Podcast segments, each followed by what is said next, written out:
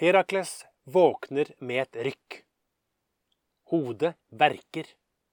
Det er kaos og uorden i rommet. Det ser ut som om noen har gått berserk i huset hvor han og familien bor. Det er nærmest rasert. Herakles reiser seg møysommelig, tar overblikk. Det er da han får øye på noe i det ene hjørnet. Noe grusomt. Noe bortenfor enhver fatteevne. Det kan ikke være sant! Det er bare en vond drøm! roper han ut. Men øynene hans lyver ikke. Familien er død.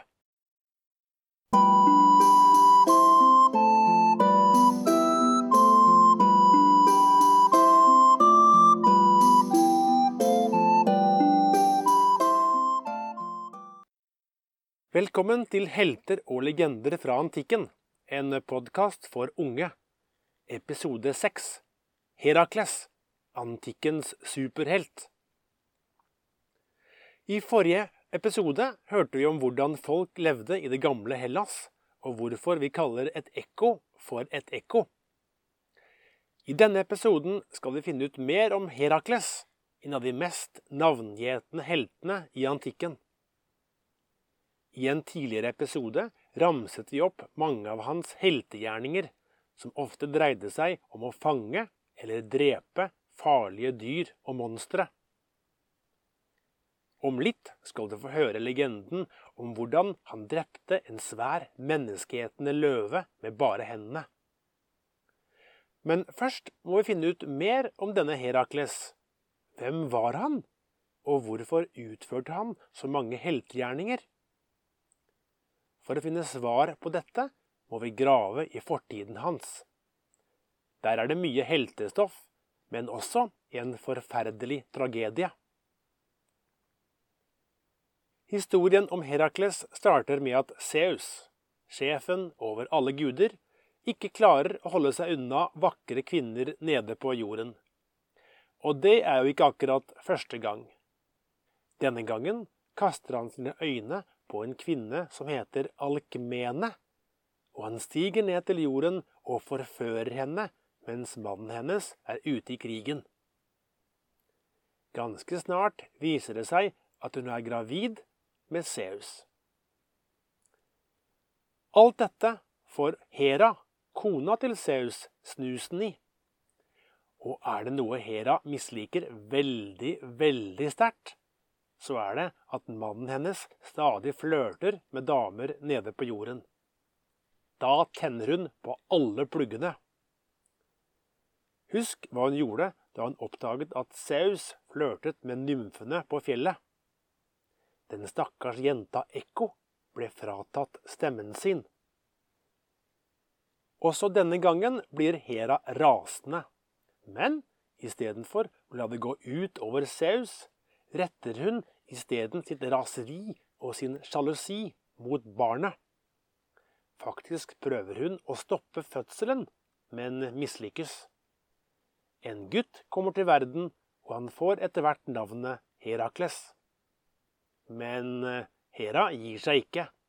Hun bestemmer seg for at hun skal gjøre sitt ytterste for å gjøre livet hans så miserabelt som overhodet mulig.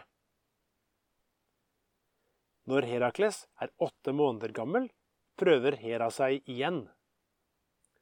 Hun sender to svære, giftige slanger inn i rommet hvor lille Herakles sitter og leker, og hun håper at slangene vil gjøre kort prosess med ham.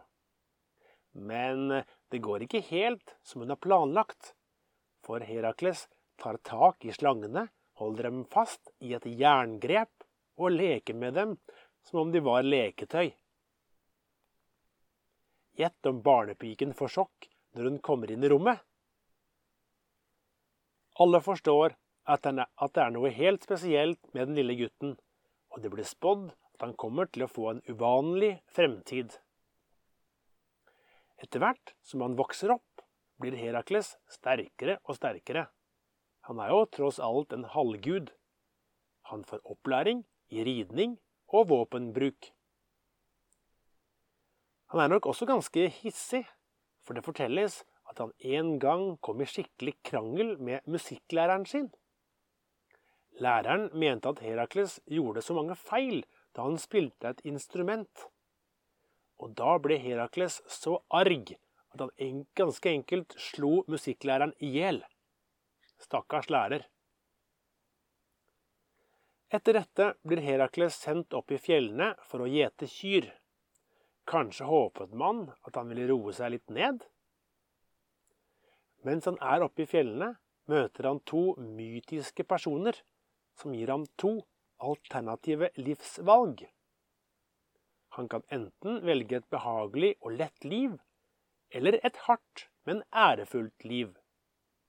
Herakles velger selvfølgelig det siste.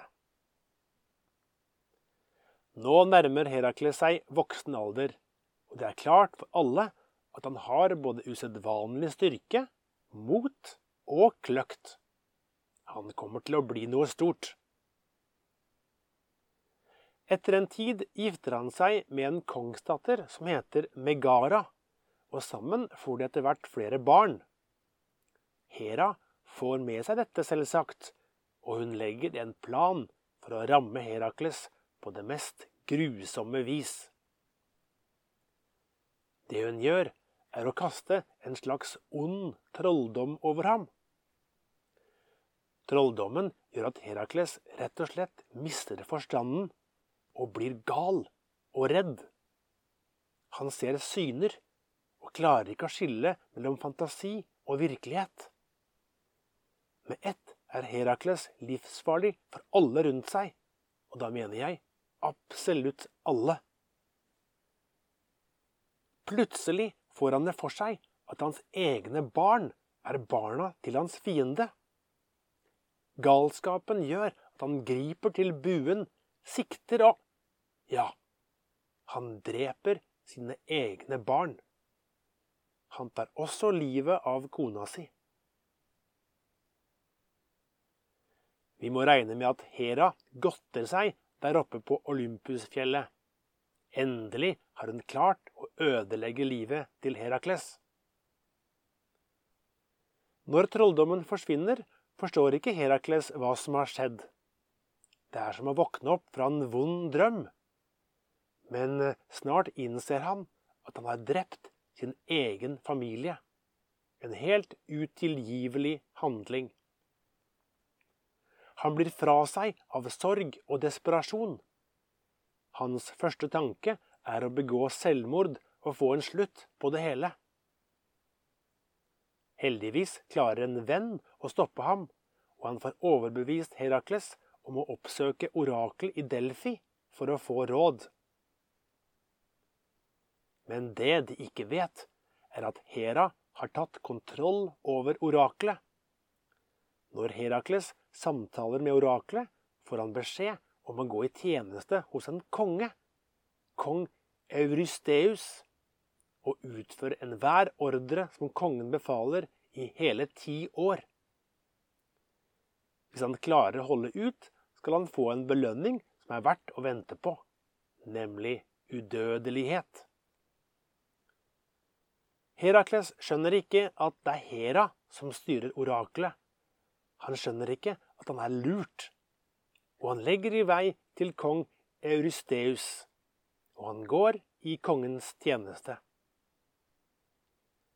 Vi må tro at kongen nå ser en mulighet til å teste Herakles styrke og egenskaper. Hva om jeg gir ham oppdrag som alle vet er helt umulige? tenker kongen men det er nå Herakles' karriere som superhelt starter for alvor. For uansett hva slags oppdrag han får, så klarer han å utføre det. Her er legenden om det første oppdraget, som gikk ut på å drepe en menneskeetende løve i området Nemea. Slik gikk det til. Folket som bodde i Nemea, levde med en alvorlig trussel i nærheten. En livsfarlig løve. Den var svær og kraftig, og med en vakker, gyllengul pels. Men eh, selv om den så imponerende ut, var den et ondsinnet og aggressivt beist som gjerne spiste menneskekjøtt. Det ble sagt at klørne dens var skarpere enn det skarpeste sverd, og at de kunne kutte gjennom den sterkeste rustning. Folket som bodde i Nemea, fryktet og hatet løven. I mange år hadde den terrorisert området. Det var denne løven som Herakles fikk i oppdrag å drepe. Løven hadde også overnaturlige krefter, og dens favorittriks var å først fange kvinner som gisler, for så å lokke til seg krigere som ville befri dem. Når krigeren gikk inn i løvens hule, ville han få øye på den stakkars kvinnen og løpe bort for å redde henne. Lite visste han at det slett ikke var en ekte kvinne han hadde foran seg, men løven som hadde forvandlet seg til en kvinne. Når krigeren var nær nok, ble løven til en løve igjen, og gjorde kort prosess med ham. Det eneste som ble igjen av krigeren, var knoklene, som løven forærte som gave til Hades, guden som hersket i underverdenen.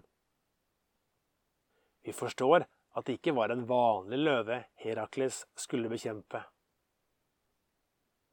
Herakles er på leting etter løven når han kommer til en liten by. Der møter han en gammel gjeter som har mistet sønnen sin til det grusomme beistet. Gjeteren sier at hvis Herakles kommer tilbake fra løvejakten etter 30 dager og ennå er i live, så skal han ofre en vær til Saus. Hvis han ikke er tilbake etter 30 dager, vil væren isteden bli ofret for å sørge over den døde Herakles. Herakles mister ikke motet av dette, og han fortsetter letingen. På veien lager han seg noen kraftige piler. Men det han ikke vet, er at løvens skinn er ugjennomtrengelig for slike våpen. Etter en stund får han øye på beistet, og han sender av gårde flere piler. Pilene preller av og skader ikke dyret det minste. Men snart finner Herakles ut hvor løvens hule ligger. Han ser at den har to innganger, og han blokkerer den ene av dem. Han tar fram et av sine favorittvåpen, en kraftig klubbe, og går inn i mørket. Han kan høre løven knurre der inne.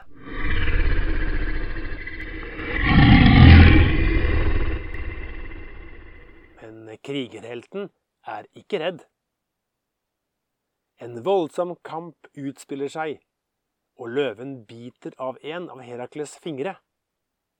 Men krigeren går på og går på, og greier å gi løven et kraftig slag i skallen med klubben sin. Løven er i halvsvime, noe Herakles vet å utnytte. Med sine kjempekrefter tar han kvelertak på løven og klemmer til det han er god om. Løven bakser og kjemper, men må etter hvert gi tapt. Den fryktede løven fra Nemea har møtt sin overmann. Den segner død om. Herakles beundrer det flotte skinnet og vil flå løven for å ta skinnet med seg. Men eh, når han prøver å skjære det løs med kniven sin, kommer han ingen vei. Skinnet rett og slett for hardt og seigt. Først når han brekker av løvens egne klør og bruker dem som kniv, greier han å flå dyret. Slik ender legenden om løven fra Nemea. Vi må regne med at folket som bodde i området, var glad for å ha blitt kvitt beistet. Når Herakles vender tilbake til kong Eurysteus med løveskrotten og skinnet over skulderen, blir kongen overrasket og engstelig. Det var ikke dette han hadde regnet med. Han hadde vært helt sikker på at det var Herakles som ville ende opp død, og ikke løven. Istedenfor å gratulere ham med en vel utført heltegjerning, advarer kongen om at oppdragene heretter vil bli enda vanskeligere og enda farligere. Snart må Herakles møte nye farlige vesener og slåss for livet. Senere i sin heltekarriere bærer Herakles ofte skinnet fra løven han drepte i Nemea. Som vi husker, er det ugjennomtrengelig og gir derfor god beskyttelse i kampsituasjoner. På statuer og avbildninger av Herakles vises han ofte med et staselig løveskinn over hodet og skuldrene. I romertiden, mange hundre år senere, fantes det keisere som beundret Herakles så mye at de lot seg avbilde på statuer med Herakles-aktig løveskinn, ja, og til og med lot seg oppkalle etter ham. Romerne kalte Herakles for Herkules, og det er dette navnet som brukes mest den dag i dag. Dette var alt for denne gang. Finn ut mer om helter og legender fra antikken i neste episode. Vi skal da høre om greske bystater, og at de ikke alltid var bestevenner. Faktisk var de ofte rivaler. Ha det godt!